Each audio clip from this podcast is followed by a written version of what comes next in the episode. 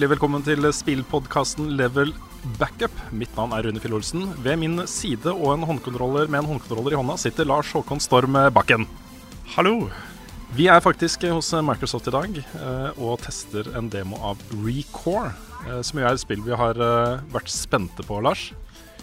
Ja, fra jeg så det på Jeg husker ikke hvilket E3 det var sånn i farta nå, for nå er hodet mitt veldig inn i spillet her. Men um, fra jeg så det på E3 første gangen, så um, digget jeg um, settingen og det her at du har en robothjelper og sånne ting. Som ikke minst kan ta andre former eller ta andre type Hva skal jeg si kropper, da. Så ja. Jeg har ikke spilt så veldig mye, men det ser, det ser bra ut, altså.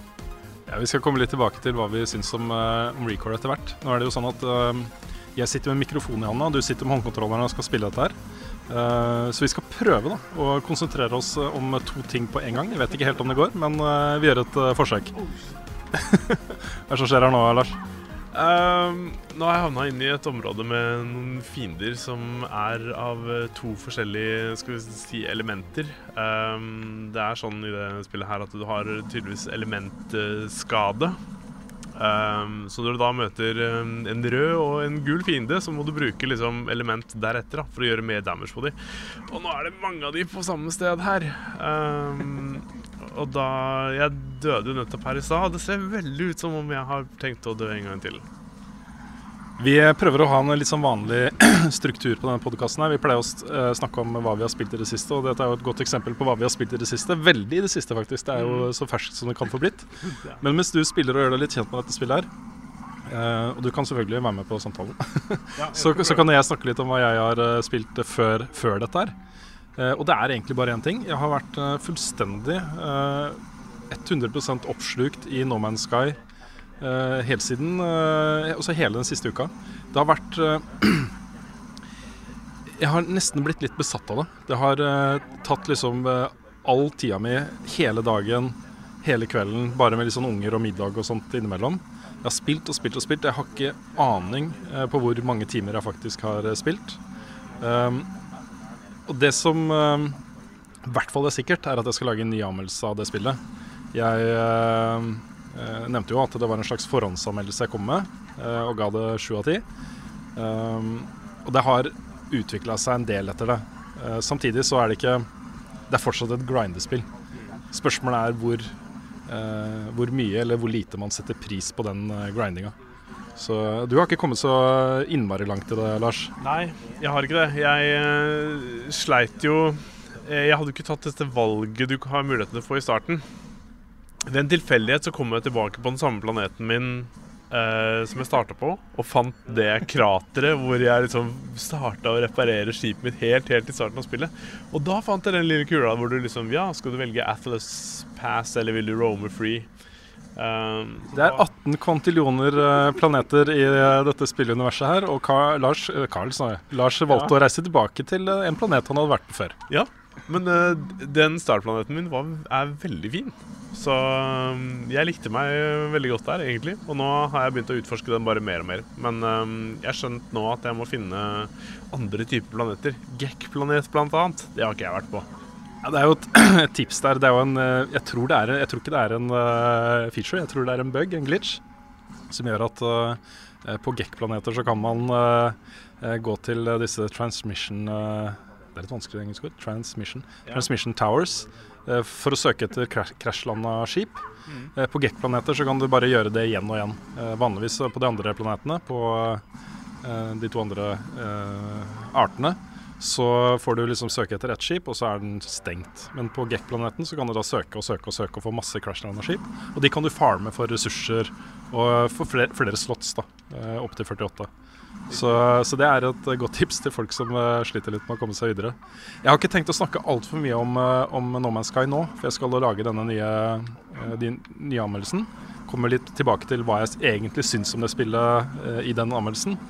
Men jeg har nå gjort liksom det meste som man kan gjøre i det spillet. Som, som er, altså det, folk klager over at det ikke er så mye gameplay i det spillet, og det er, det er, litt sant. Altså. Det er ikke så veldig mange ting, men det å oppgradere eh, skipet ditt til, til 48 slots og alle warp drives og alle, alle greiene du kan putte i det skipet. Det å oppgradere eh, multitoolen. Eh, det å oppgradere eh, drakta di. Alle de tingene er i maks. Alle de tingene har alle oppgraderinger som det er mulig å få i det spillet. Det jeg har gjort Jeg har fulgt Atlas uh, storyline, hvis man kan kalle det det. Eh, fullført den. Og eh, rett før vi dro hit i dag, så kom jeg til galaksens sentrum. Kom til sentrum av universet og fikk se hva som skjer, skjer der. Ikke tenkt å spoile hva det er, men, men dette er jo et spill som jeg, vet ikke. Jeg kan ikke huske sist det var så mye reaksjoner eh, sinte reaksjoner mot et spill. Eh, folk, folk føler jo at de har blitt solgt et spill som eh, ikke er det de trodde det skulle være. Og, og sånt. Jeg ser også på, på Steam så er det i løpet av første uken så har jeg tror det var 78 ja, av de som kjøpte spillet, har slutta å spille det. Så det er, det er ganske sterke meninger om det spillet her, Lars. Ja, men jeg, kan for så vidt eh, forstå det. Fordi hvis ikke du trigger på denne her samlegreia, samle... mm,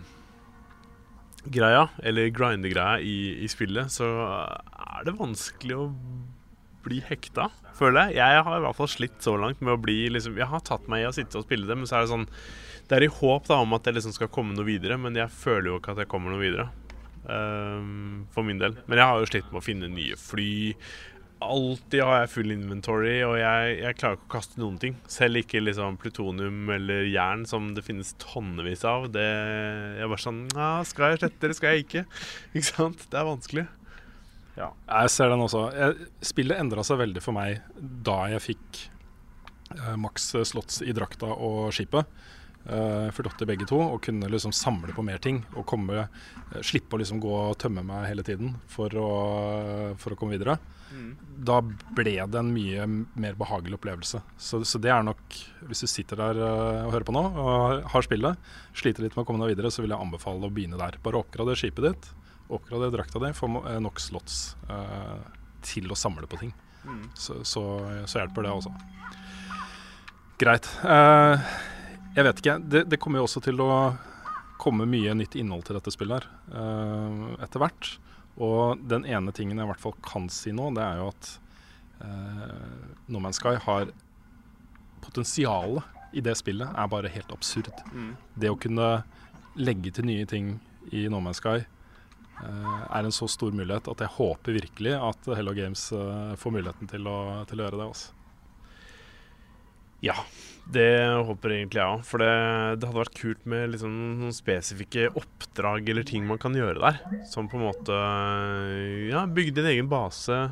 Starte Kanskje få folk til å liksom samle seg der og lage din egen sivilisasjon og i det hele tatt. Det kunne vært kult.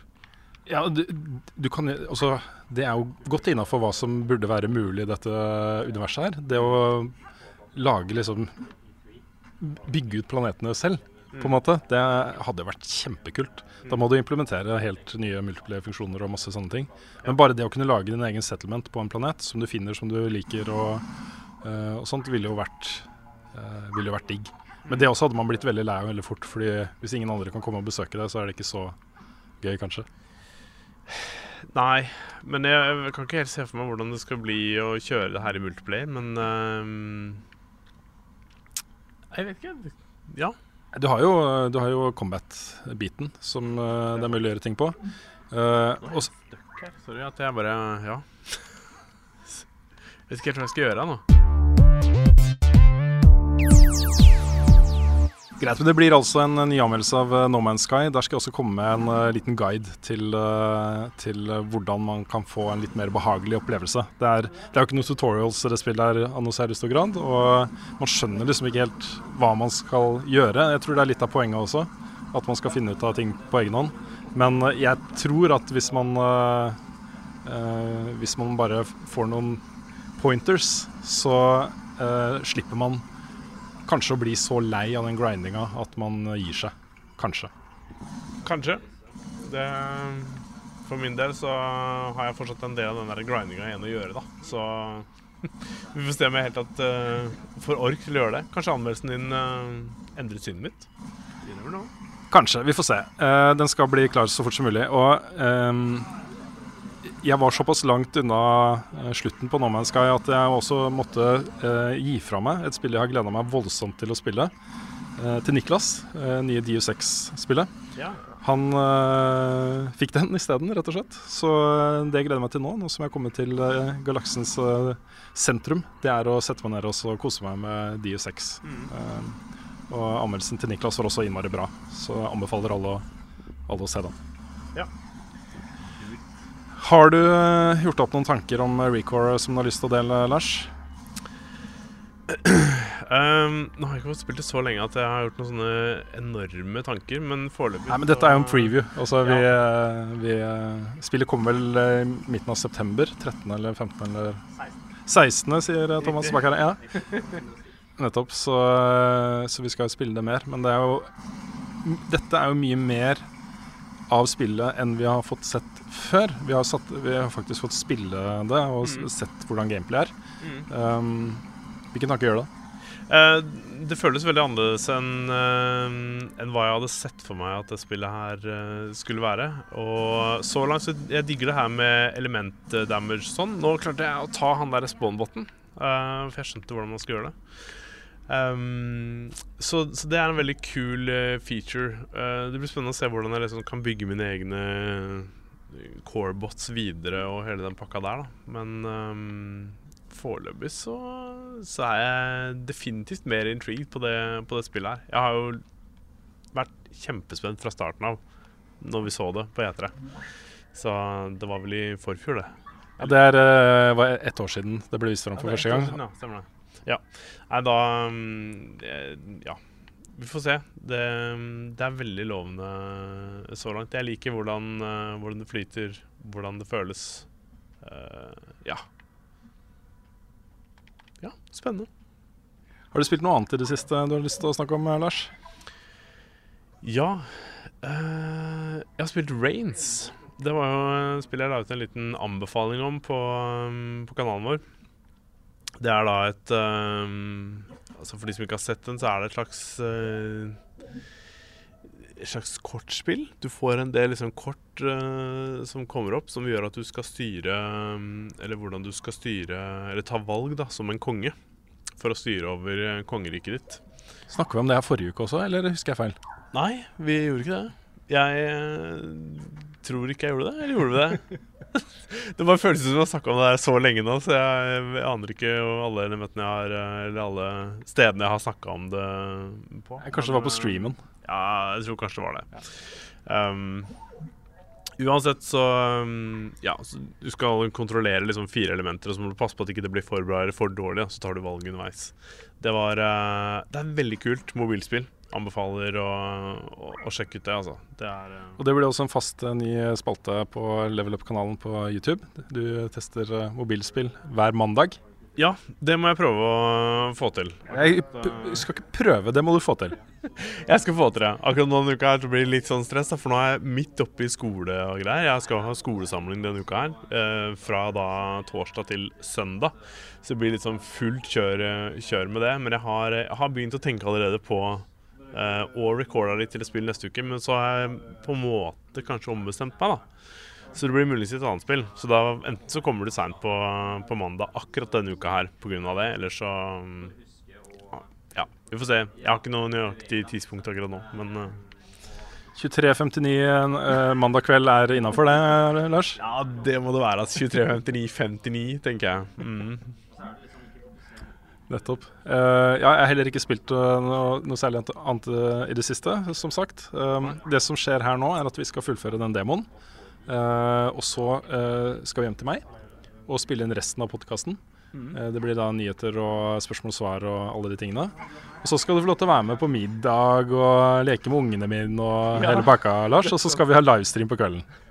Nå blir jeg liksom barnevakt resten av, resten av dagen før um, um, da, da regner jeg med du lager skikkelig god middag. Ja, eller kanskje kona. Og så er, det- eh, er det grillfest i eh, sameiet også i kveld. Så det, kanskje det blir eh, to middager, eller kanskje det blir bare grilling. Eller jeg, vet- jeg vet ikke helt ennå. Men eh, det blir hyggelig å få det på besøk. Ja, Nei, men det er, eh, det er kjempekoselig. Jeg har aldri spist middag hjemme hos deg før, så det blir, eh, blir spennende. Det er alltid gøy å spise middag hos andre, fordi det er, som regel så gjør folk liksom ting litt forskjellig. Og det er sånn når man ikke er vant til å gjøre sånn som man gjør hjemmefra, så er det spennende å se hvordan, hvordan middagsrutinene fungerer. Men er det andre måter å spise på enn å putte ting i munnen og så tygge det og så svelge det? Nei, men da komponerer maten, ikke sant? Oh, ja, okay. ja, så er det sånn, Noen som skal ha ketsjup på alt, ikke sant? Så er det sånn her, Jeg spiser liksom ketsjup på liksom fisk og you name it. Um, jeg hadde en kompis som gjorde det. Jeg vet ikke hvordan han um, overlever uten ketsjup, men um, ja. Jeg vet ikke. Jeg er veldig glad i ketsjup. Jeg har eh, sagt det før, men jeg har, eh, en av mine favoritt-T-skjorter ever var en eh, sånn Heinz-logo hvor det sto bare 'I put ketchup on my ketchup'. Ja, riktig. ja. Nei, Greit, vi eh, runder her, og så er vi For dere som hører på, så er vi jo plutselig tilbake. For oss så er, tar det litt mer tid, men sånn er magien, vet du. Det er det. Magien til, til Rune denne gangen her.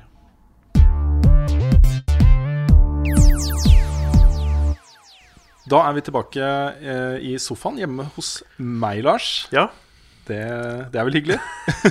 det er alltid hyggelig. Jeg har jo vært her et par ganger før, så begynner det å bli litt sånn hjemmekos, faktisk. Mm. Hjemmekjent. Ja, lite grann. Og snart kommer ungene, og de vet ikke at du er her, så det blir jo eh, veldig morsomt. Det kommer til å bli helt bananas. Det blir eh, barnehage nå også, kanskje. Ja, Mm. kanskje. Mm. Du, det var ett spill eh, som du har spilt i det siste, som vi ikke fikk snakka om mens du spilte Recore ute hos eh, Microsoft. Ja, Og det er selvfølgelig Titanfall 2. det stemmer. Vi, eh, jeg og Niklas prøvde å spille det i helga. Det ble jo Først så fikk vi en sånn presserelease-versjon, som da eh, Hvor vi da endte opp med å spille med bare de som satt på sånne press-events osv. Og, og det fungerte ganske bra. Da var, eh, da var liksom spillet flytende og i det hele tatt. Men det som var problemet da, var at eh, Nikla, Niklas Når jeg inviterte han, og vi eh, gikk inn i lobby, så kom ikke Niklas med. Og Niklas kunne ikke invite venner. Hans invite-greia var grå ut. Så når vi da dagen etter, når liksom betaen var offisielt ute, så skulle vi da kjøre, mm, kjøre dette her sammen. Og etter så mye krøll frem og tilbake, så klarte vi å få, få havna i samme lobby. Men det bare lagga. Det var, det var så stakkato og hakkete at det å spille det var, eh, var helt håpløst. Og sånn var det liksom fredagen og lørdagen og søndagen. Så prøvde jeg det ikke engang, for å si det rett ut. Så mm, jeg vet ikke. Det var, eh, det var en utrolig kjip eh, opplevelse. Det var liksom noen det lagga for, og noen det ikke gjorde det, tydeligvis. Dette Um, var jo en, en tech-test, pre-alfa tech-test. Jeg Ja. tror egentlig de bare la den ut for å få noen pointers på hvor de skal eh, legge fokuset. Ja. Og, det, og de gjorde også et poeng ut av det at dette er en, dette er en faktisk pre-alpha-bild. Dette er ikke en marketing-demo-beta-bild som egentlig er ferdig, og som vi betatester for å skape blest om spillet. Så um, Og det gjenspeila den tech-testen veldig, egentlig, sånn jeg, jeg så det. Det var litt vanskelig å, å få prøvd i stor grad de forskjellige tingene. Men um, av det lille, den lille feelingen jeg har fått, så um, er det definitivt forbedringer siden Titanfall 1. Som, uh, som var et bra spill, som jeg kun spilte på PC, dessverre. Det var en litt annen feeling å spille det på konsollen. Det føltes litt mer hjemme, og grafikken er jo helt nydelig, da. Så um, Men um, de verdenene som er der, de er jo ganske spennende. Og det er mange som påstår at det visstnok lå en spoiler av eh, til storyen da i det ene mappet der. Nå har ikke jeg helt fått med meg Eller jeg har bare kobla ut og ikke liksom sett på den. Men um, det er liksom kult, fordi det ene mappet så er Når du ser opp i himmelen, så er det sånne eh, På en måte plater av himmelen som har falt ut. Så over deg så er det masse teknisk Eller liksom en, en rig, da. Så du, du er på en Ah, måte i en verden som Ja, eller litt sånn derre Hva heter den derre Jeg holdt på til Lille Kylling? Han som når jo Han animerte filmen når hele verden han får en himmel i huet. Okay, fordi himmelen detter ned og viser at det egentlig er bare en sånn dome, da. Det er bare sånn eh, artig liten sånn referanselek. ja.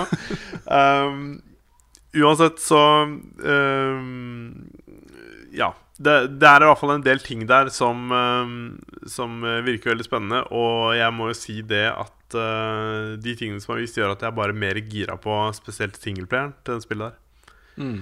Så jeg vet ikke om multiplayeren blir noe jeg kommer til å sitte og spille lenge, men uh, det er spennende å se hva de klarer å få til. Mm.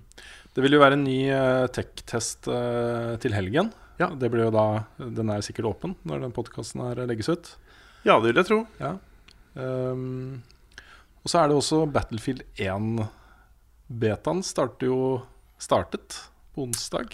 Ja, det er mulig. Det har ikke jeg fått med meg i det hele tatt. Fordi nå, denne uka her så, så er jo jeg ikke, ikke hjemme. Nå, nå er jeg hos deg, og resten av uka så kommer jeg til å bo hos en, eh, i leiligheten til en kompis som er på ferie. Eh, fordi jeg skal gå på skole. Så jeg har måttet koble ut alt eh, gamingting. da så, um, Men det, det kan stemme, det du sier der. Ja, at Den er ute, ute i, onsdag i dag. Ja. Ja. Ja. Hmm. Det blir eh, vanskelig å vite hva man skal spille, kanskje. Jeg vet ikke. Det blir nok kanskje Battlefield 1-testing, hvis jeg får muligheten til det. Så det spillet ser så bra ut. Herregud. Vi tar noen nyhetssaker, og vi må jo starte med en sak som uh, har medført litt problemer for oss. Mhm. Nå eh, i uh, uka som har gått, så um, kunne jo folk kjøpe uh, en ny PlayStation-konsoll på eBay. Mm. ved navn Jeg vet ikke om den heter det, men det er i hvert fall en PS4 Slim. Det er en slankere versjon av PlayStation 4. Ja. Dette er da en konsoll som folk har funnet ut vil bli avduket samtidig med PlayStation Neo. Mhm. Um, den 7. september, tror jeg det er. Presseeventet i New York. Okay. Så dette er jo informasjon som Sony ikke ville skulle være der ute ennå. Nei, det er jo forståelig. Ja, Men så er det jo sånn at uh, nå ligger det jo masse bilder på nett, og folk har snakka om det, og det er masse Mm. informasjon om det overalt. Mm. Og i siste episoden av Level Update, nyhetsmagasinet som vi legger ut fast hver uke hver tirsdag mm. uh, på YouTube-kanalen vår, så viste jeg jo de bildene og snakka om det. Og vi har da fått en copyright strike fra Sony Computer Entertainment, Ja. som er ganske alvorlig.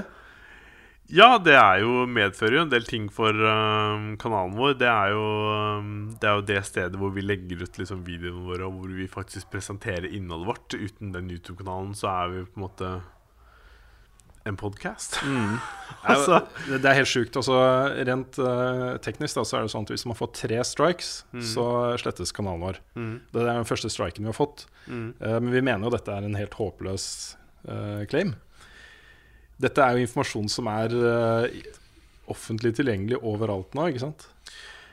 Ja, det er jo i Soy med en nyhetssak. Ikke sant? Det er en blank Eh, nyhet. Ja, og Sony lanserer eh, PS4 Slim, og slik ser den ut. Det er Ja, ikke sant?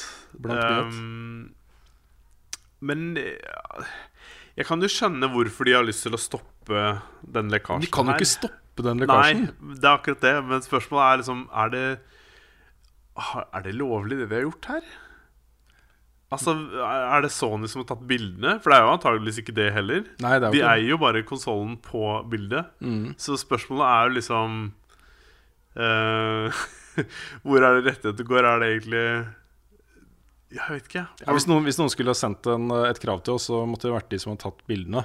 Eh, Ja, sånn, ikke sant? sånn er det jo i norske aviser og overalt. Liksom, hvis man Mm. bruker bilder uten tillatelse, som vi jo faktisk da har gjort. Um, Nei, jeg vet ikke. Jeg kan ikke huske. jeg vet ikke.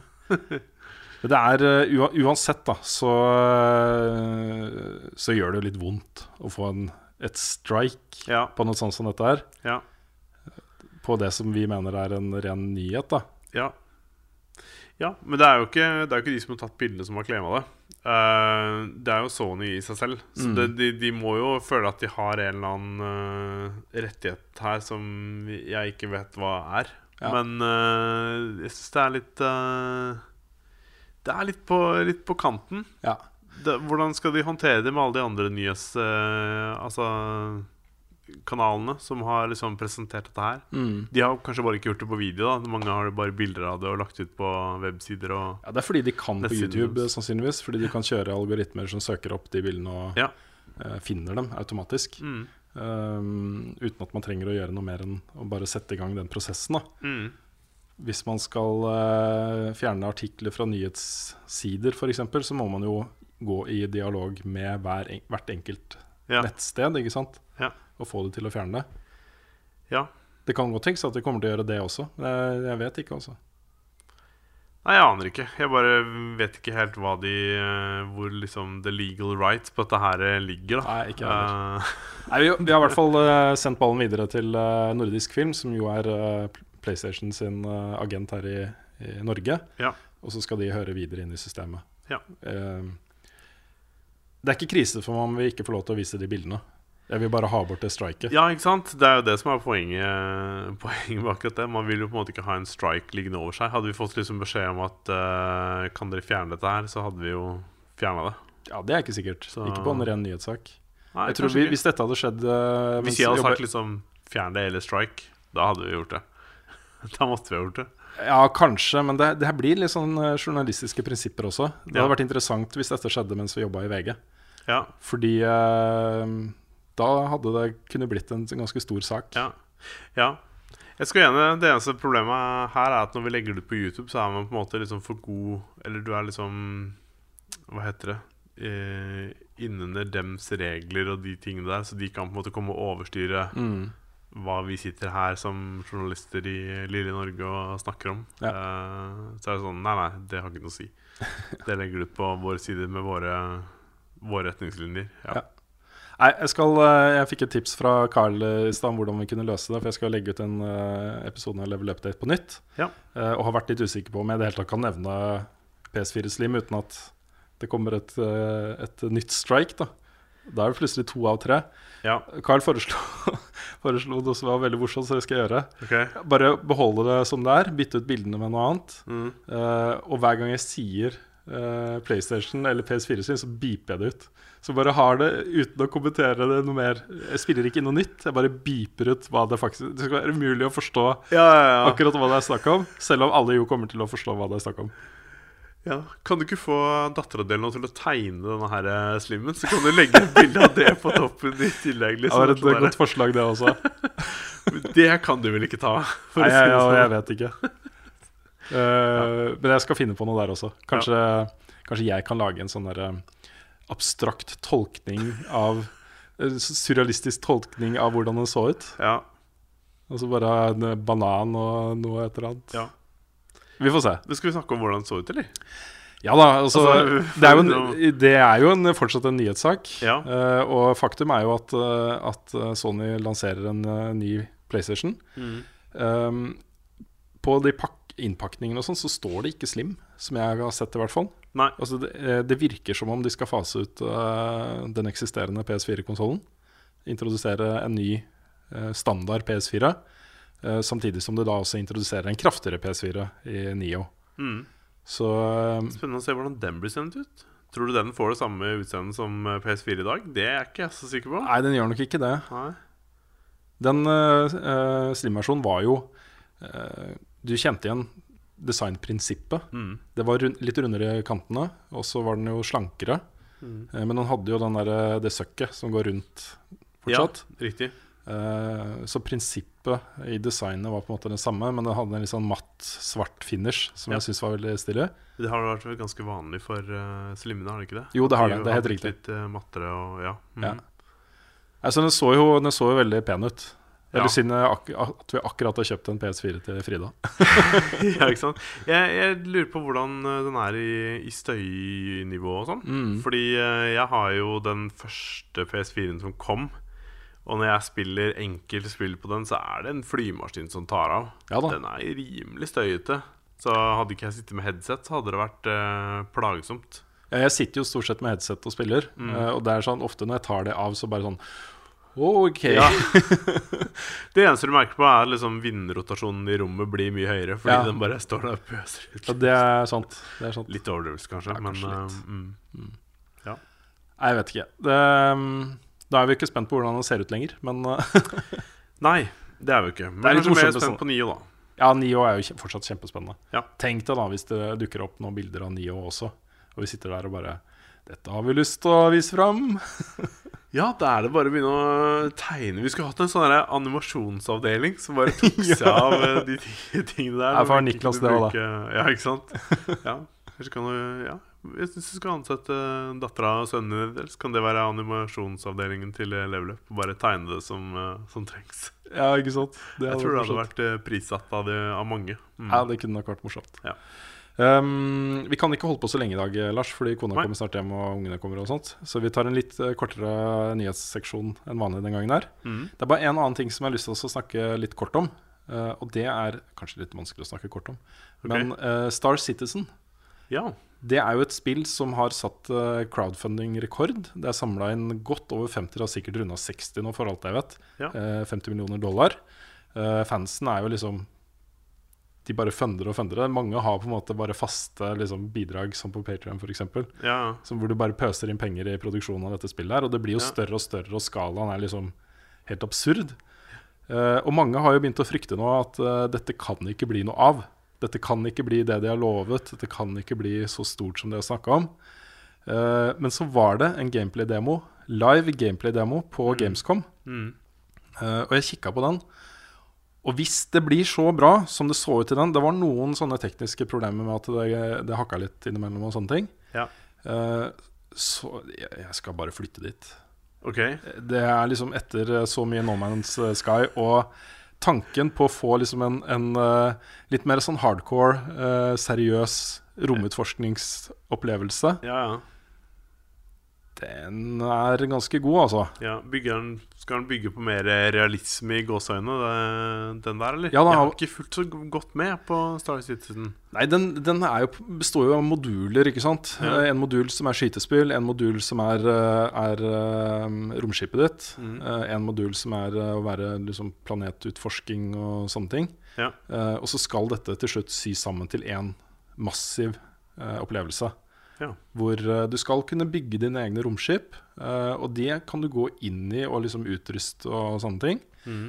Du skal kunne delta i på en måte story missions eller i, i spille mot spiller-ting hvor du har våpen og skyter hverandre og sånne ting.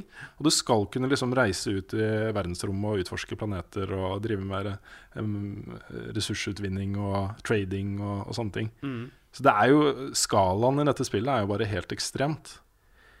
Ja, det virker i hvert fall som eh, av det jeg har eh, Altså det lille jeg har fått med meg før, så virker det som det skal bli enormt stort. Men eh, det jeg Altså, jeg forstår ikke den summen penger de har fått.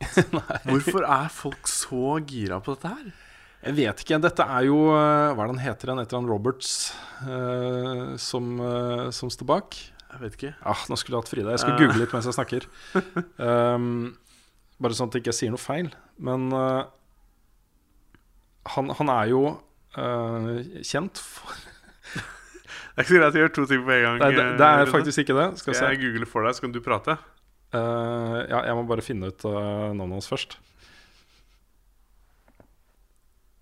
Det er uh, eh, Chris Roberts heter han. Okay. ok. Han, er, han skapte Wing Commander og Freelancer, så han er på en måte en ganske ehm, kjent og stor personlighet i spillutvikling. Ja. Jeg tror veldig mange av de som nå går inn med hud og hår og pantsetter huset sitt og selger bikkja si eh, for å funde dette spillet Jeg tror mange av de eh, har spilt disse spillene, Freelancer, Wing Commander, eh, og tenkt liksom hva, få, hva med å få liksom dette i eh, med dagens teknologi, moderne Mm. grafikk, Mm. eh, et sånt massivt space exploration-spill. Mm.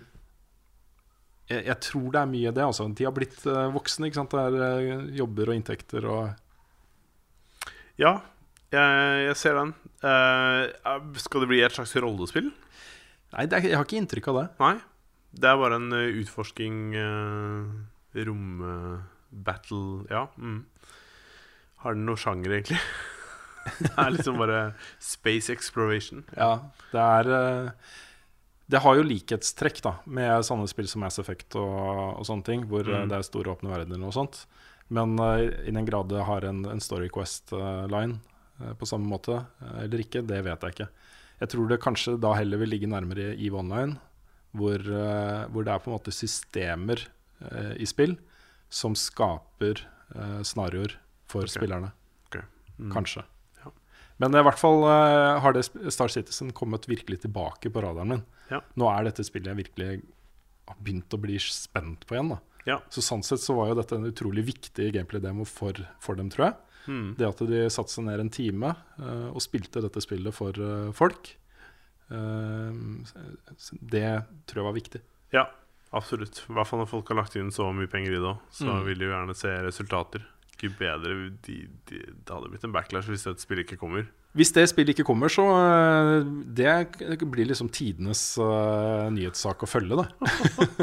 Men det, nå kommer det jo noe. Nå kommer det jo noe uansett. Ja. Det er i alfa, det fungerer, de kan release et eller annet, liksom. Ja. Uh, Så spørsmålet er bare hvor bra det blir, og om det blir det de har lovet.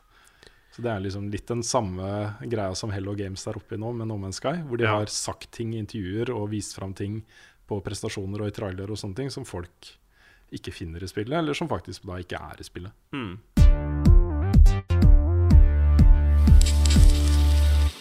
Vi skal svare på noen spørsmål. Noen få spørsmål blir det denne, denne gangen. Både fordi uh, jeg kom på litt for sent at uh, vi måtte be om uh, spørsmål. Mm. Så det ble lagt ut bare for noen timer siden. Og dels fordi vi som nevnt har litt dårlig tid i dag. Ja. Så vi kjører bare på. Kan begynne med et fra Mats eh, Østreng Veland på Patrion, som rett og slett spør hva er det råeste spillet dere har spilt i år. Det trenger da ikke være det beste, det må være det råeste. Ja, hva, hva Hvor legger man grensa for rå Det er jo en individuell ting, da. Noen mener Det liksom, råeste spillet? Uh, det må jo kanskje være Inside, da. Ja, jeg skulle til å si det samme. Ja, altså det er eh, Det er ikke mitt, det er ikke mitt game of the year. Men hvis jeg tenker på liksom råskap og hvor uh, mind-blowing det spillet der var, så vil jeg um, si det. Det er et kompromissløst uh, spill. Og så Ja. et som bare peiser på med ganske voldsomme sanseinntrykk. Mm, absolutt. Det er uh, Jeg setter jo ekstremt stor pris på det. Det er nok fortsatt mitt game of the year, Ja. tror jeg. Jeg er Jeg setter også veldig stor pris på det. Og det var Det var Det er ting og elementer her som liksom overrasker meg, og, den, og det å prøve å finne ut av liksom hva dette her handler om og sånn, er jo en spennende, spennende ting. Så mm. Skulle hatt en spoilercast. ja, det skulle vi hatt. Yes. Um, jeg har et uh, Jeg kan ta det med en gang, for det var ehm, Christian Laksmark har etter seg spurt hva førsteinntrykket av Recore er. Nå har vi jo snakka litt om det kjapt, men vi kan kanskje prøve å recappe det litt. Vi spilte jo litt etter at vi recorda Mm. Ja, sant, også. Um, og det tok seg opp veldig på slutten, det rett og slett fordi jeg skjønte mer av spillet. Mm. Det vi ble presentert, var jo en, en seksjon som var ganske midt i spillet, fikk vi forklart. Så vi var allerede, allerede levela opp litt. Vi hadde eh, våpenlevel og karakterlevel. Og, det å på en måte forstå alle de tingene du bare får slengt opp i, opp i trynet, på en måte, som er da elementer um, Du hadde blå eh, Blå, gul, rød og så hvit element, som da er um, i forhold til hvilke fiender du skyter på, så gjør du mer damage hvis du velger riktig element med å, å skyte på dem. Em, og så er det også det at du har uh, disse her core-robotene. Eh, de kan hjelpe deg, og du kan sende de ut til å, til å stønne fiender eller angripe fiender. da Eh, og den greia der forsto jeg ikke, og fikk jeg egentlig ikke så god forståelse av før helt helt på slutten. Og Nei, da måtte helt vi på slutten, da. Ja, da måtte vi gå. og da ble jeg litt sånn her Ah, kult! Nå begynner det å skje ting, og da kan jeg få ting til å, ting til å skje. Ja, fordi det, din opplevelse var jo For det var du som spilte. Jeg satt Ja. og prøvde å ordne med copyright strikes og sånne ting. Ja. Eh, og holde i mikrofonen. ja. Men eh, vinene gikk jo fra å være liksom utrolig kjipe bullet sponges Ja. eh, Og så sånn utrolig vanskelig, rett og slett. Og så, Ja, sånn, de- sånn, de gjorde det litt vondt å se på. Ja, det, det var eh, overraskende ganske vanskelig, faktisk. Ikke sant? Det- Til å bli overkommelig og mye mer givende, da, så Ja. det ut som. Ja. Men jeg tenker at det vil jo være en tutorial, og du har sikkert en progresjon her som vil lede deg mer inn i Ja. det systemet der, som, sånn, sånn at det vil bli mye lettere å spille.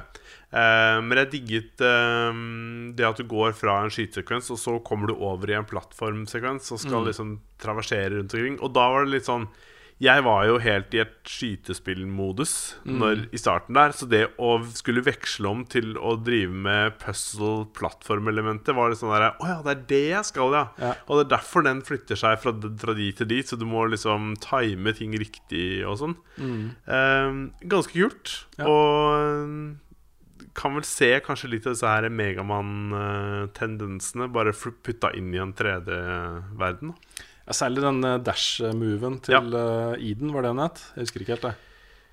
Nei, det var det planeten. planeten, planeten het Eden. Jeg husker ikke hva den het. Eh, Jeg husker heller ikke hva det het. Julia eller noe sånt på jobb. ok, det samme den noe i den duren. Men hun hadde sånn dash-move som Ja. ligna veldig på Megaman. Ja, og den var, eh, den var også sånn at jo lenger For i starten trodde jeg den liksom bare eh, ble skutt ut og hadde en viss lengde.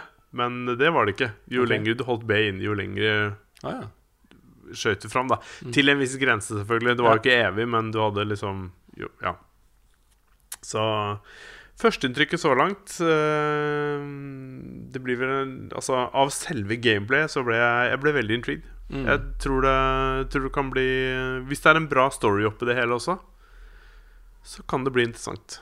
Jeg er veldig glad i den komboen av, eh, av eh, litt sånn givende kamper Mm. og litt mer sånn rolig utforsking. Ja. Det er veldig Mange av mine, mine favorittspill har jo den komboen. eh, Tomb Raider og Ratchet and Clank og Assassin's Creed. Og Mm. det, er, eh, det er på en måte min sjanger. Ja. Så eh, jeg også ble mer gira på det spillet her enn jeg har vært. Ja. Det har Det har mest vært fordi Jeg har ikke vært fullt så gira på det. Det har mest, har mest med å gjøre at At jeg føler jeg bare har fått presentert estetikken i dette spillet. Og ikke, ikke sett noe særlig av liksom hvordan det vil spilles i praksis. Og det har Nei. gjort meg litt skeptisk. At ikke, de bare, at ikke de gjorde sånn som de gjorde på Sony-pressekonferansen. ikke? Med en eh, 15 minutter lang gameplay-demo Mm. på scenen Mm. hvor uh, dette er Recore, folkens. uh, sånn spilles det. Ja.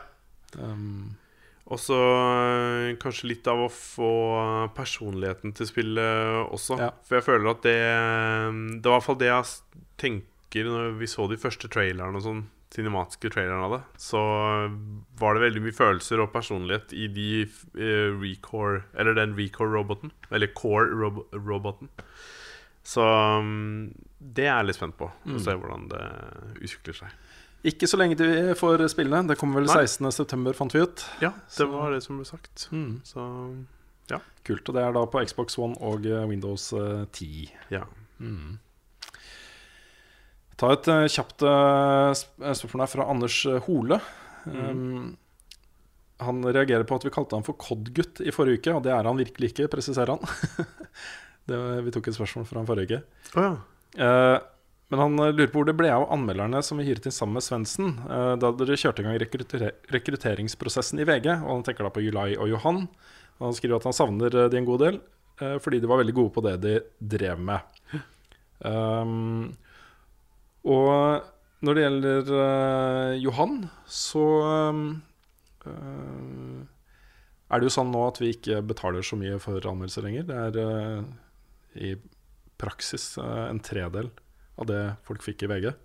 Og Johan er jo en stor gutt med masse jern i ilden og store prosjekter og, Mm. og sånne ting. Så jeg har ikke engang turt å spørre han om han har lyst til å anmelde for den prisen. Nei.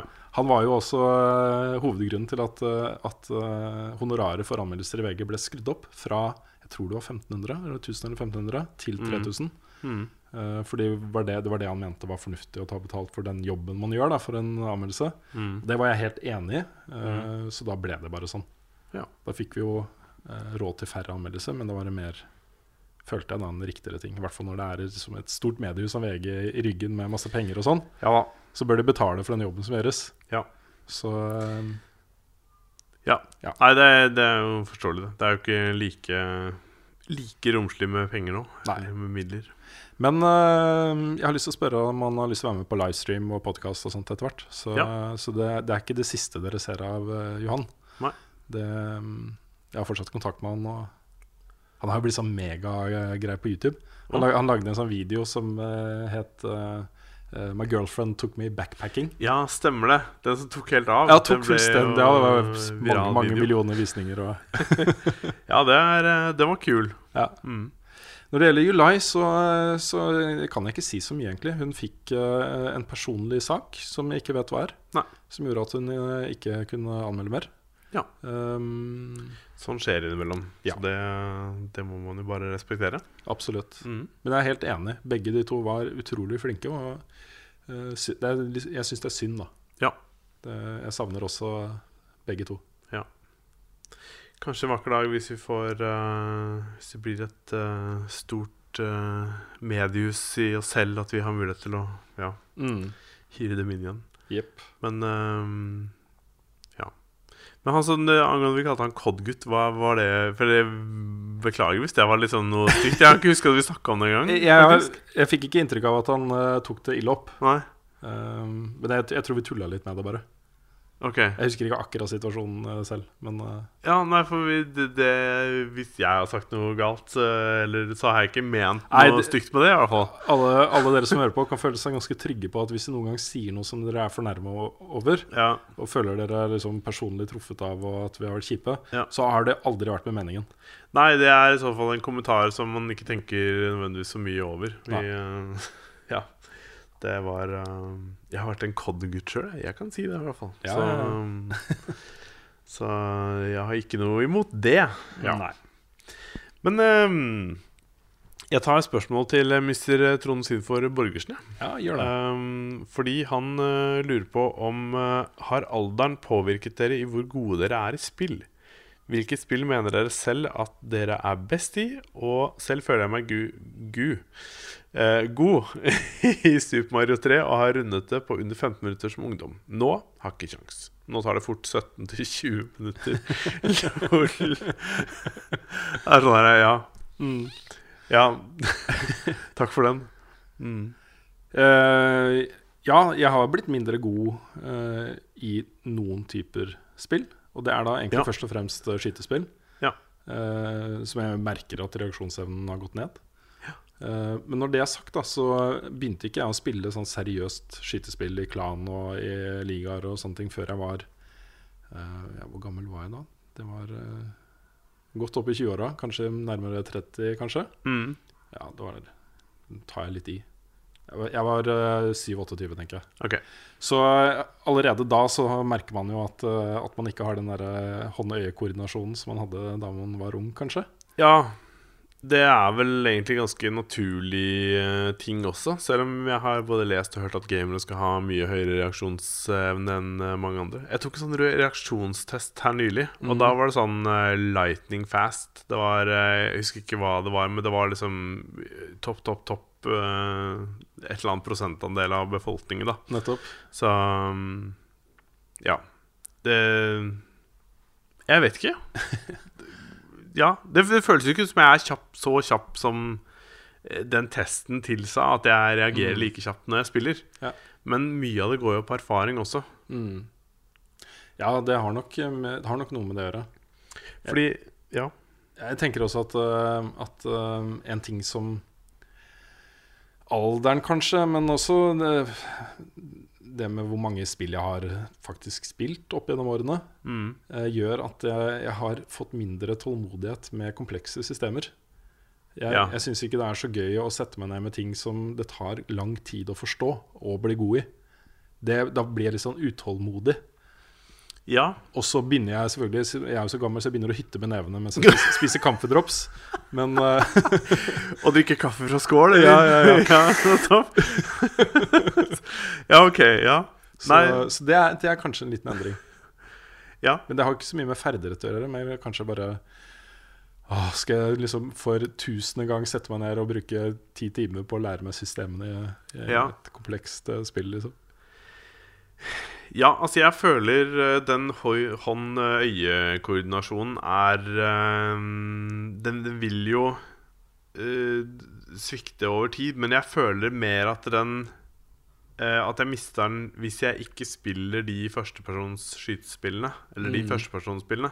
Så kan de gå litt ned i en periode før jeg liksom trenger da noen, noen timer på å liksom komme meg inn igjen i det.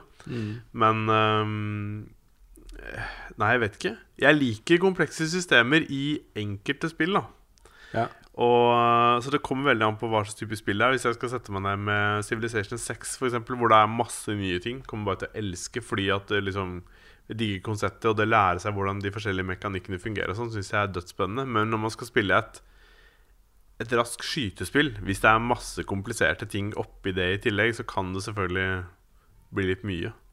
Derfor digger jeg Overwatch, fordi at det er liksom Du trenger, eh, du trenger fortsatt å ha en eh, Hva skal jeg si En nokså god stødighet på, og presisjon. Men lagferdighetene og samarbeidet der er så mye viktigere. Mm.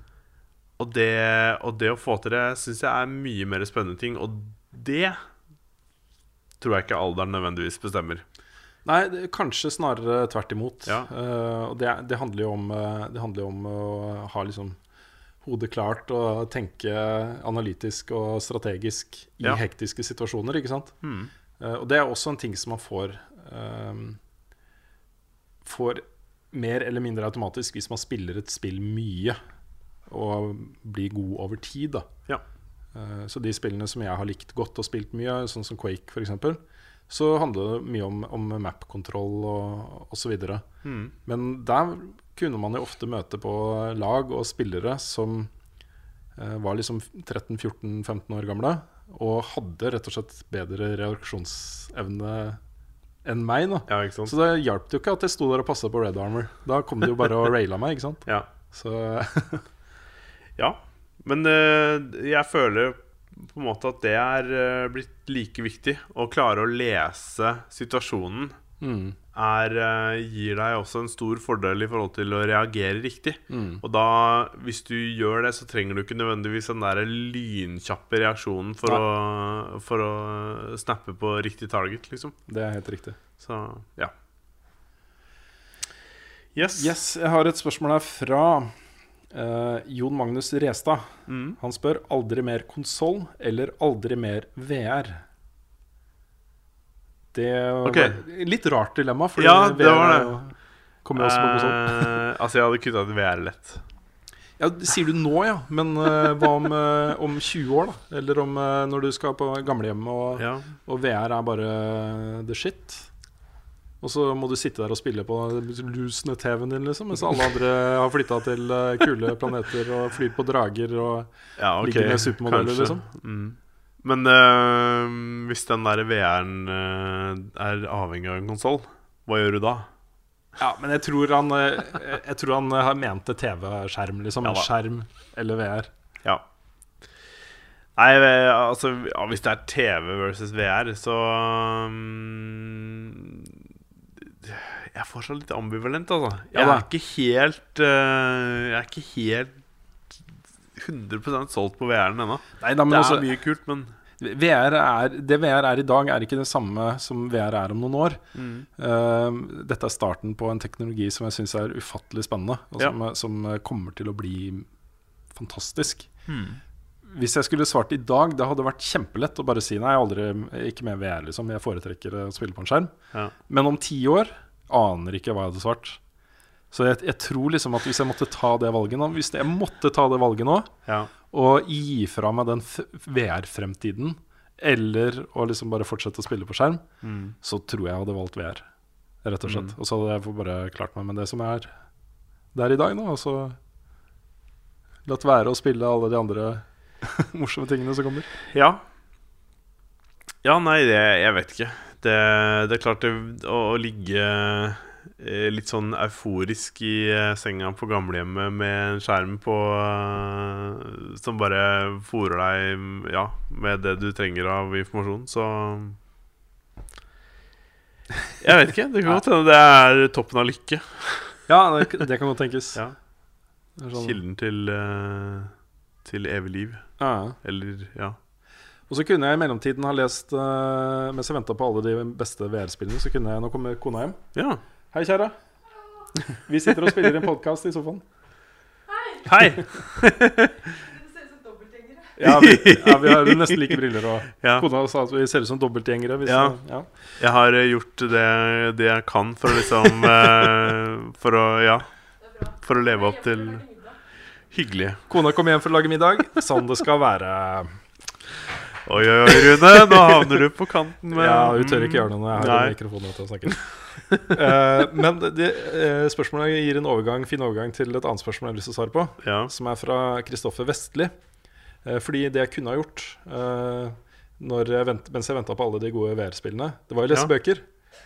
ja. Og han skriver uh, at Rune har snakket litt om hvor glad han er i å lese bøker i det siste. Og jeg lurer på hvilke bøker han er glad i. Trenger boktips. Og det er jo sånn at eh, etter at jeg fikk barn, så har jo min lesehyppighet gått kraftig ned. Mm. Eh, og det er rett og slett fordi eh, eh, den tiden som jeg har mulighet til, til å lese bøker, har jeg ofte vært så trøtt. Ja. Altså, det er en aktivitet som eh, krever en del overskudd. Fordi eh, du sitter og prosesserer liksom innholdet på en helt annen måte enn med andre medier. Ja. Um, Ja, og, Veldig lett å sovne, kanskje. ja, jeg blir så trøtt av det. ja. Så jeg har liksom begynt på mange bøker og lest 10-15 sider, og så har jeg vært sånn, åh, nå har jeg lyst til å gå og legge meg, så er klokka ni, liksom. Så, ja. uh, så det har ikke blitt så mange bøker. Nei.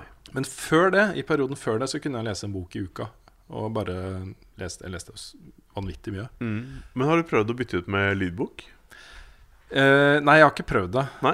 Det, er, uh, det kunne jeg kanskje gjort mens jeg spilte No Man's Sky, f.eks. For, eksempel, for da kunne man jo bare Fordi det, det er akkurat det jeg skulle til å si. Jeg har, uh, jeg har nemlig brukt flere spill til å, til å høre på lydbok. Um, så Jeg skal ja. vurdere det, Lars. Det var sånn jeg har uh, fått med meg hele Ready Player One. Lest i gåsehudene. Ja, det er også et spørsmål, Så, da. ja. Uh, vi tar etterpå. Ok. Ehm, for jeg kan, kan jo komme med noen tips allikevel. Eh, Ja. Nevne noen av mine favorittforfattere og serier. Og det Mm. blir litt sånn random utvalg, fordi eh, jeg har lest så vanvittig mange forskjellige forfattere. Og jeg kommer helt sikkert til å glemme noe. Det blir sånn med spillet. som Hva er favorittspillet ditt? Ja, ja, ja. sånn, ah. Jeg, jeg vet ikke. Hvis man skal lage en topp ti-liste, og så bare en uke etterpå Åh, da glemte jeg selvfølgelig. ja, ikke sant? Ja. Det er fort gjort. Men uh, det er noen serier som jeg ble veldig sånn glad av å lese eh, i det siste. Og det er uh, en forfatter som heter Joe Abercrombie, Mm. som har skrevet mange bøker. Men han starta med en trilogi som heter eh, uh, The First Law-trilogien. Mm. Og i det universet så har han lagd flere bøker, enkeltstående bøker og, og sånne ting. Men det er fantasy uh, blanda med Quentin Tarantino, på en måte. Det er veldig gøy okay. og veldig kul historie. Ja. En annen fantasy-forfatter som jeg er kjempeglad i, er Robin Hobb. Eh, og den serien jeg starta med der, er eh, The Far Seer-trilogien. som også er kjempebra. Mm. Fantastisk. Eh, og av litt mer andre ting så er jeg veldig veldig glad i Chuck Palahniuk. Har vel lest alle bøkene hans, med ett eller to unntak. Ja. Um, jeg er kjempeglad i Douglas Coupland også, men det er et litt eh, det, du, ser så rart på meg, Lars. Nei, jeg bare det, det, det er ikke noe gærent. Jeg bare, du, du sitter og nevner masse ting nå som jeg bare overhodet ikke har peiling på. Jeg er, jeg er så dårlig belest. Jeg bare tenker nå, nå er vi inne i en verden som bare Der har ikke jeg vært. Jeg vet det, men også Jeg, jeg vokste jo opp med bøker. Mm. Uh, og det er en gave som, som jeg har fått så utrolig mye igjen av etterpå. Mm. Uh, det er den som har eh, hjulpet, hjulpet meg til å bli god til å formulere meg. Sant? uh, tekst. Ja, man blir jo god av å formulere seg hvis man leser mye bøker. Det er sant. og, og det er på en måte noe med den derre Det å fylle hodet sitt med ord på den måten. Mm. Det å oppleve andre universer gjennom en tekst, Mm. det, det gir meg så mye. Jeg kan skjønne hvorfor. Og så er det Altså Når jeg leser bøker, så uh, av, av de få jeg har lest, um, så har jeg Altså, jeg har lest um, Dan Brown sine, og de har jo også blitt filmatisert. Og da skjønner jeg hvorfor folk liksom sier at 'herregud, den filmen her er liksom Den er ikke bra'. Ehm, men jeg tenker at skal man ha glede av de tingene, så bør man kanskje ikke ha lest boka. Eller så må man i hvert fall være i stand til å tolke at det er forskjellige medieformater. Fordi de bildene du skaper uh, i hodet ditt, som da teksten liksom serverer deg, blir jo noe helt annet og noe mye mer spektakulært. Du får et veldig sånn Um, personlig forhold til det. Fordi det er, du som, det er din fantasi som skaper disse bildene du får i hodet Mm. når du leser. ikke sant? Mm. Du transporteres til dette stedet, og det er du som bygger det. på en måte Ja. Det er, eh, det er noe magisk i den prosessen, altså. Mm. Uh, ja, jeg skal ta to boktips til Ok. før vi går videre. Ja. Uh, og det er veldig inspirert av, av mine opplevelser i No Man's Sky. Ja. Fordi jeg er veldig glad i den derre ut i verdensrommet-tematikken. Det å liksom Hva er der ute? og Hvor langt kan man komme, og hva opplever man? Og, og sånne ting. Mm. Uh, og det er to uh, uh, forfattere som jeg syns er innmari gode på å kombinere teoretisk fakta dette er jo, de skriver mye om ting som kanskje ikke er lagd ennå, men som teoretisk kan lages. Og sånne ting Mm. Og det ene er en, en eh, forfatter som heter Ben Bova. Som har skrevet en serie bøker om utforskingen av vårt solsystem. Så han har en som heter Mars, og det er da den første bemanna ekspedisjonen til Mars. Han har en som heter Venus, Uh, og så har han eh, Return to Mars, eller Mars 2, eller hva den het. Uh, og, og sånne ting da Og det er veldig sånn teknisk beskrivende av selve reisen og når de kommer fram dit og sånne ting. Litt som starten på Martian, egentlig. Ja. Den føl de føles veldig autentiske, da. Selv om Ja. de da liksom på Mars finner noe som, som er ganske kult, så, Ja. så er det ganske bra. Og så er det eh, en annen forfatter, og nå uh, står det litt uh, stille i hodet mitt. Um, han har skrevet en uh, serie som heter Manifold Space. Det, er, det er en serie bøker. Manifold Origin, Manifold Space og Manifold Time. Okay. Og den Space den handler om, om utforskingen av, av universet, rett og slett. Eh, og jeg får litt de samme uh, vibbene som av No Man's Sky, fordi det er så stort skala på det. Ja. Og så det er så mye store tanker og, um, og konsepter som diskuteres om alt fra uh, tidsreiser til sorte hull og, Mm. og sånne ting, som jeg syns er bare kjempe, kjempespennende. Steven Baxter heter han. Ok. Han har skrevet masse sci-fi-bøker. Um, Hmm. Ja. Så det var, ble noen boktips. Ja. Men det andre spørsmålet som jeg tenkte å komme tilbake til, var da fra Espen Herbro. Eh, det er et filmspørsmål, men han, Ok. eh, han lurer på hva vi tenker om Ready Player One. Uh, filmen, da. Steven Spielberg pluss musikk fra John Williams. Ja. Steven Spielberg og John Williams i kombinasjon er jo fantastisk. Mm. Altså um, Hvis ikke John Williams er en av de beste um, komponistene gjennom tidene, så veit ikke jeg, liksom. Han har skapt så mye ikonisk eh, musikk som folk eh, garantert kjenner igjen, både de Altså Selv om de ikke nødvendigvis har sett de filmene det er snakk om. Um, jeg, har, jeg har lest boka, eller jeg har hørt den på lydbok, da, men jeg kaller det å lese. Eh, um, og, og den Det tok meg litt tid på å komme skikkelig gjennom den boka. For jeg, jeg hørte eh, Det var en periode hvor jeg liksom brukte litt lang tid på å komme meg gjennom. Det var litt hva skal jeg si Litt, over, litt før halvveis i boka. Og da måtte jeg høre gjennom eh, de samme tingene et par ganger.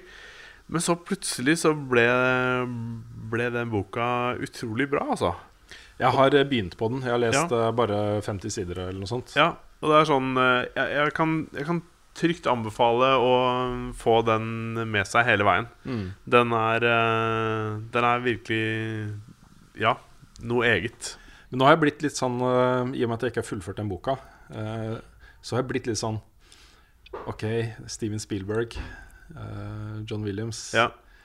Med et konsept For jeg, vet jo hva temaet i innholdet i boka. Jeg vet jo hva det handler om, liksom. Mm. Jeg har så lyst til å se den filmen, og jeg tenker liksom at Jeg, jeg vil anta at boka er bedre. Sånn, det er den nesten alltid. ja. Ikke sant? Men, øh, men øh, jeg er veldig glad i, i gode kinoopplevelser også. Og det er sånn, åh, det hadde vært Mm. å se den og ikke vite hva som skjer også. Mm. Så jeg vet ikke helt. Men jeg tenker liksom eh, For den, den andre boka og ting jeg har sett uh, tidligere, er da er jo 'Ringenes herre'. Den leste jeg jo mange mange år før jeg visste at det skulle komme på en, på en film, liksom. Ehm, og jeg syns ikke det var noe vanskelig å skille ski- Altså Ja, det er samme universet, samme fortellinga, og selv om det liksom mangler en del i filmen, og at ting blir vridd lite grann på, så er det fortsatt to fantastiske måter å fremstille det på. Det er mange som gjør det riktig, liksom. Ja. Men det er også litt fordi 'Ringenes herre' øh, er jo en massiv serie. Det er mm. tre svære bøker med masse, masse, masse, masse innhold, liksom.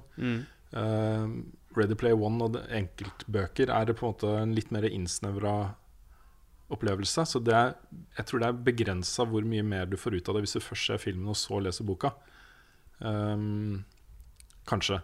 Kona Ja. har jo begynt å lese Game of Thrones nå, fordi jeg har klart å endelig få henne til å se Game of Thrones TV-serien. Oh, ja. Og der er jeg sann, for jeg, jeg også har lyst til å lese bøkene, men jeg er så glad i TV-serien at jeg tenker at jeg i hvert fall har lyst til å se den ferdig først. Se Ja. de neste to sesongene, og så kanskje lese bøkene. Men uh... Ja. Nei, jeg vet ikke. Jeg, det var uh...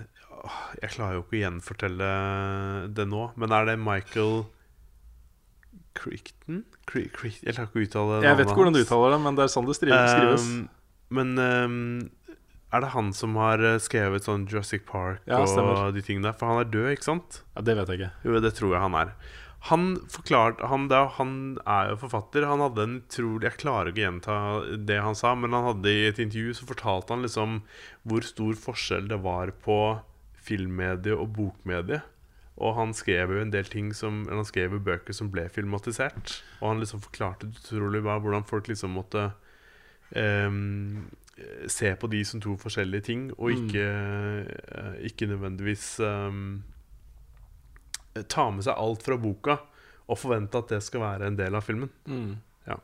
Ja. Nei, jeg har lest masse Michael Crichton-bøker. Mm. Crichton, kanskje? Ja. Ja, jeg vet ikke hvordan man skal si det. Vi tar gjerne imot eh, forslag på hvordan man uttaler det. Ja. Ja. uh, men det, han skriver jo veldig sånn page-turners, altså ting, eh, veldig spennende historier, Mm. uh, som egner seg godt til filmatisering. Ja. Og uh, når han snakker om akkurat den biten, så er det litt urettferdig mot forfattere av litt mer komplekse, massive bøker, tror jeg. Fordi, Ja, fordi eh, Akkurat når det gjelder hans historier, så tror jeg du kan gjøre en del grep uten å miste eh, driven i handlingen og, og sånne ting. Mm. Um, mens, eh, mens hvis du tar det som Game Thrones kona forteller meg, f.eks. at eh, de, disse Stark-barna eh, er så unge i bøkene. Ja. Uh, sånn uh, Aria er ni år gammel eller noe sånt når det starter, og Sansa er elleve. Eh, Ja. Rob er liksom 14 år gammel. Og i TV-serien så er de jo eldre, ikke sant? Mm. I hvert fall Rob. Han er jo Han ser ut som han er eh, 30. ja, så eh, herregud. Ja. Er Nei, det Ja. Har du et uh, nytt spørsmål? Uh, Ja, jeg hadde vel egentlig ikke um, Ikke så mange her, men det er, det er ett spørsmål som jeg har lyst til, å, lyst til å høre. Og det er fra Rolf Helge Øvergård Ingebrigtsen. Hva er det med The Last Guardian som du gleder deg så mye til, Rune? Oh, ja. Det er det jo både vanskelig og lett å svare på. Det er det nye spillet til, eh, til han som har lagd eh, Ico Shadow of the Colossus. Det er god nok grunn i seg selv. Ja. Hvis man har spilt de spillene og elsker de spillene, så er det på en måte alt man trenger å vite. Mm. Um, og grunnen til at jeg er så glad i de spillene, er jo Det er mange, men uh, Det er sånn som med IK, for eksempel, så var det den derre uh, følelsen av å uh, uh, være alene på et veldig sånn mystisk sted, og så plutselig få ansvaret for, for denne lysjenta. uh, og lede henne liksom ut av dette palasset. Ja.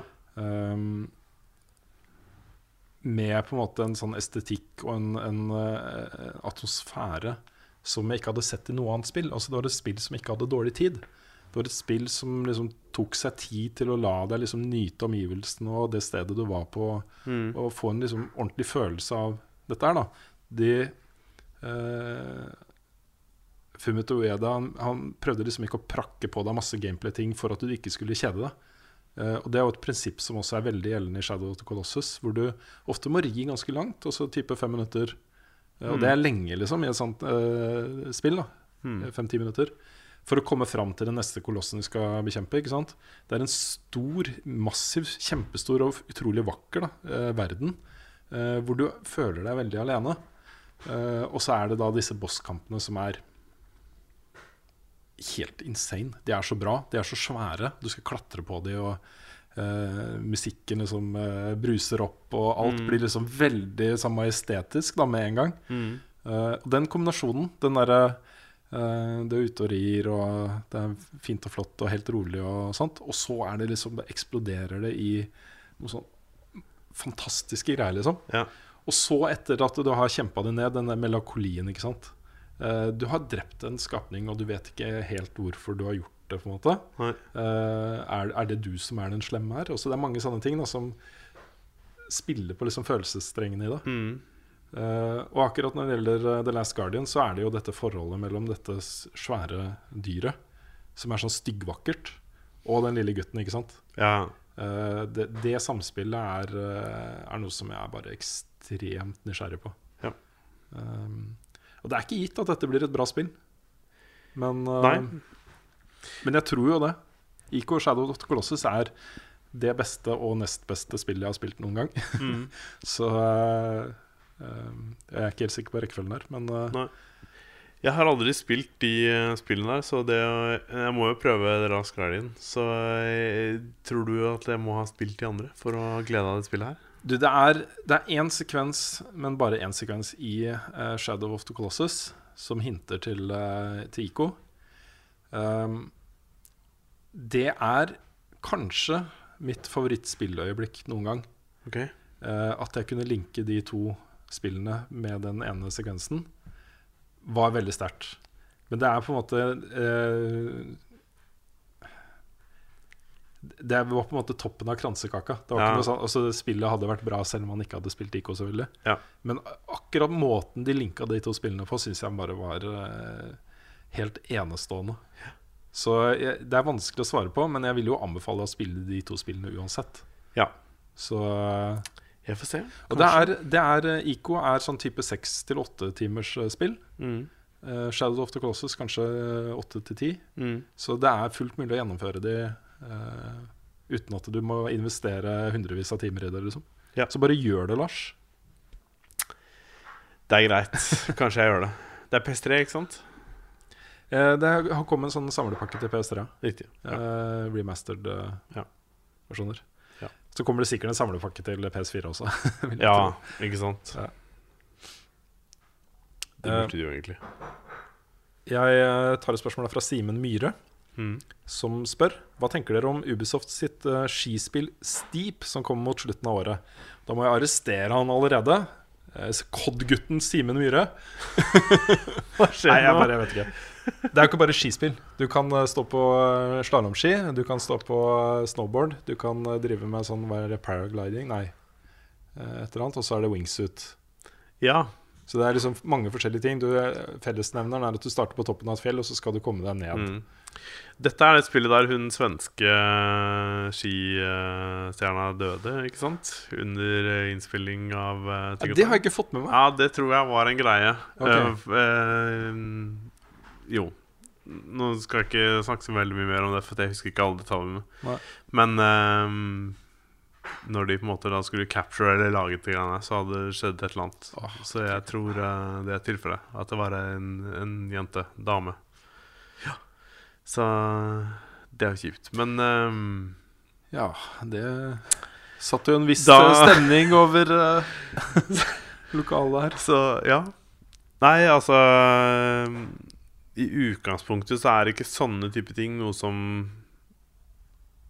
det, det tiltaler Det spillet har ikke vært noe tiltalende for meg i det hele tatt. Det så liksom kult ut, men det er liksom ikke noe jeg tenker at dette kan jeg ha det gøy med. Men uh, for de som Ja, elsker Jeg merker, at du, jeg merker at ikke du har eh, ja. noe særlig feeling for det spillet her, Nei. egentlig, Lars. Jeg har ikke det, altså. Nei. Jeg, jeg har ikke sånn jeg, jeg ligger ikke våken om netten og gleder meg til det heller. Nei. Men uh, uh, det jeg tror, er at dette kan bli et fantastisk kult coop-spill. Mm. Hvor man uh, konkurrerer om å komme seg først ned, f.eks. Um, og løser For det er masse sånne øh, Sånn ting du kan gjøre i dette spillet. F.eks. få til liksom høyeste hopp og lengste opp og lengste fall. Og Mm. komme deg liksom kuleste løypa ned. Mm. Sånne ting, liksom. Som jeg tror det blir ganske gøy å gjøre sammen med Ja. andre. At du sitter liksom og konkurrerer mot noen og spiller med andre. Det tror jeg kan bli en ganske morsom opplevelse. Ja, absolutt. Jeg eh, vet ikke hvorvidt jeg kommer til å ha stor glede av det, men uh, Nei, dette er jo typisk streamspill, da, så vi får ta det på streamen Ja. uh, når det kommer. Det er sant. Det kan sikkert være gøy en liten periode. Teste det ut og kjøre litt, men dette er sånn Jeg har Jeg er jo så lite glad i å stå på ski, uansett hva, hvilken metode det er. Um, Fordi der er, der er koordinasjonsevnene mine dårlig. Kanskje det er noe jeg burde lære meg. Mm. Kanskje. Stå på ski Vi kan gå i langrenn i vinter. Mm. Kan bli en fin reportasje. Yes. Har du et spørsmål der til? Nei, jeg har ikke så veldig mange Mange flere. Jeg kan eventuelt ta Jeg kan ta én, da. Det er fra Jens Robert eh, Helland. Og han spør hva slags spillserie er det som trenger en reboot snarest mulig. Aha. Ehm, er det lov, lov å si Metal Gear? Solid? For all del. Ja. Altså, hvis de uh... Nei da, det kommer ikke til å skje. Det kommer ikke til å skje. Men uh, uh, Metroid. Metroid for meg, Ja. altså. Ja. Folk er sikkert lei av å høre om det. Men eh, Ja. sånn gameplay-messig så er det få spill som har kommet i nærheten av, eh, av det der, altså. Da tenker jeg først og fremst egentlig på, på eh, 2D-varianten av det. Men Metroid Prime-serien er jo også innmari god. Så jeg hadde ikke hatt noe imot et nytt Metroid Prime-spill heller. Nei. Det hadde vært kjempekult. Det er visst Ja. flere av utviklerne av Metroid Prime som er med på å lage Recore. Og det er det. Yep. Kult. Så jeg kjente liksom noe av greiene fra Metroid Prime der. Mm. I hvert fall de, i eh, kombinasjonen av action og utforsking. Mm. Jeg har aldri spilt noe særlig, eh, særlig Metroid, men eh, jeg har jo hørt fra mange at det skal være bra. Mm. Så ja.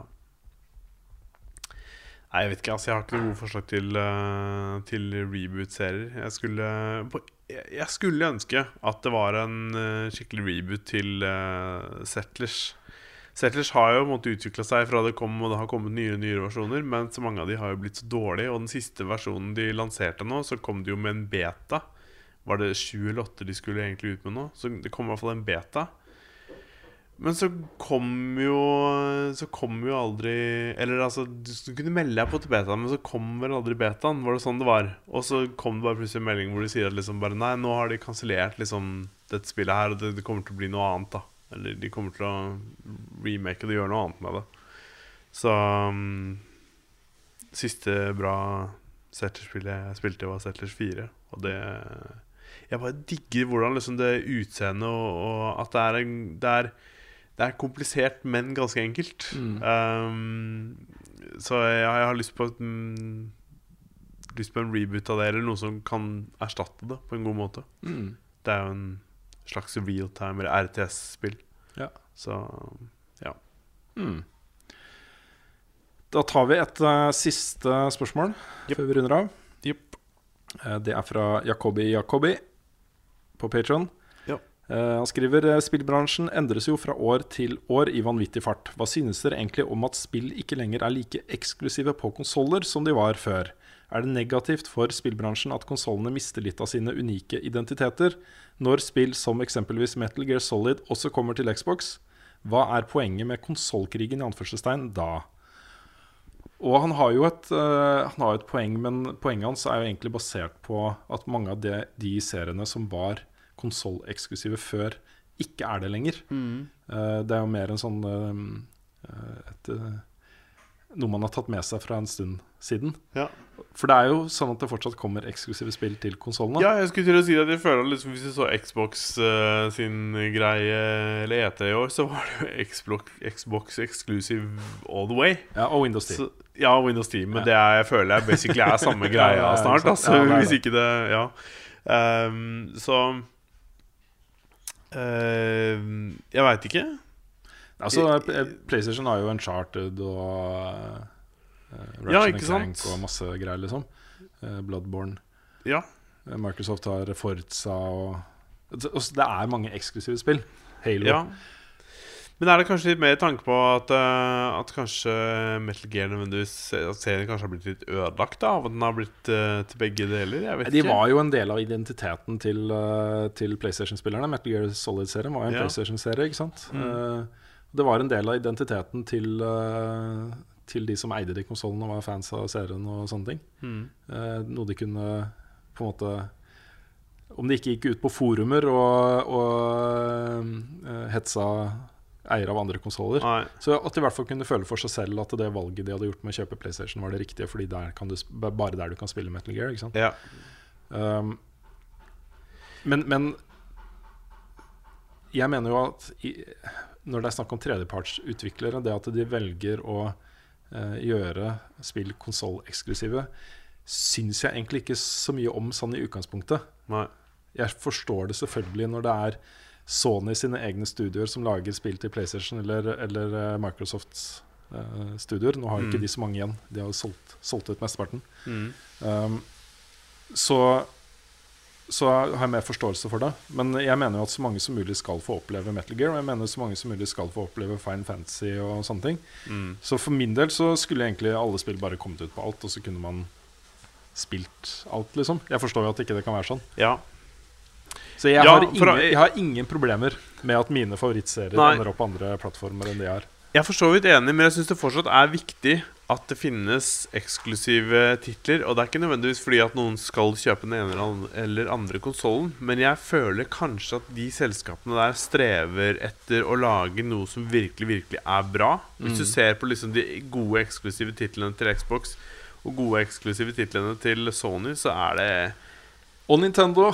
Ja, for all del, så er det liksom nesten Game of the Ja, Year-kandidater det er jo de beste gjengen, liksom. spillene på konsollen. Ja. Ofte så er det det. Og det er eh, det, det er ikke nødvendigvis alltid det skjer når det kommer til liksom Til, til alt. Uh, jeg vet ikke. Nei, men det er et- det, det er det er en viktig poeng. del av uh, spillmediet, da. Mm. Nei, fordi eksklusive spill er jo en, et uh, argument for å kjøpe nettopp den konsollen istedenfor en annen konsoll. Mm. Det er jo derfor man lager eksklusive spill. Mm. Det er for å selge konsoller og spill, da, selvfølgelig, fordi man tjener penger på det også, hvis det, hvis de blir populære. Ja, for all del. Men skjul på det. de hadde jo tjent altså, Sony hadde jo tjent mye mer på Uncharted 4 hvis det også eller, kom ut på Xbox One. Ja, Det ville jo solgt flere eksemplarer. hadde det blitt like bra? Jeg, jeg veit ikke. Jeg, jeg, kanskje studiene Nei, jeg, jeg veit ikke.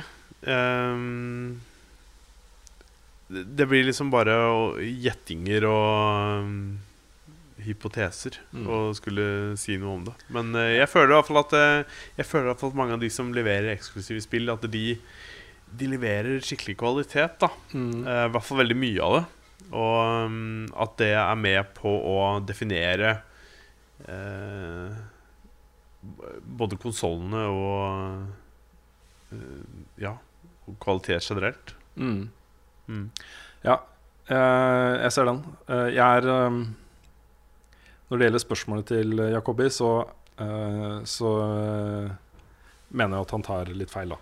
Det kommer fortsatt eksklusive spill. Ja. Så, ja, det gjør det jo. Og det, det er viktig. eh, som Ja. han nevner selv også, så mener jeg de er viktige for identiteten til konsollen. Mm. Kanskje det viktigste. Ja. Og så hvis man eh, det, I alle år så har jeg laget sånne guider i VG på eh, hva slags konsoll skal man kjøpe i julegave og sånt. Ja. Eh, og da har jo alltid poenget, hovedpoenget mitt vært eh, hvilke spill har du mest lyst til å spille. Og hvis du bare er ute på den ene konsollen, så er det den konsollen du bør ønske deg til jul. Mm. Ikke sant? Mm. Det er, alt det andre er jo eh, ikke like viktig. Nei. Om håndkontrolleren føles godt i hånda eller For alle har gode håndkontroller, liksom. Så kan man ha preferanser og Ja. Så det er spillene, det spillopplevelsen spillopplevelsene som betyr noe. Det er sant, det, altså. Absolutt.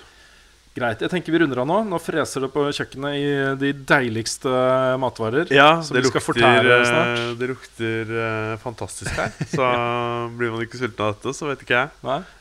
Um, nå er det like før ungene kommer hjem også, så da er det på høy tid å avslutte. Ja. Tusen takk til alle dere som har hørt på denne litt uvanlige podkasten vår, som har vært både i sofaen hjemme hos meg selv og eh, i eh, auditoriet til Microsoft ute på Lysaker. Yes.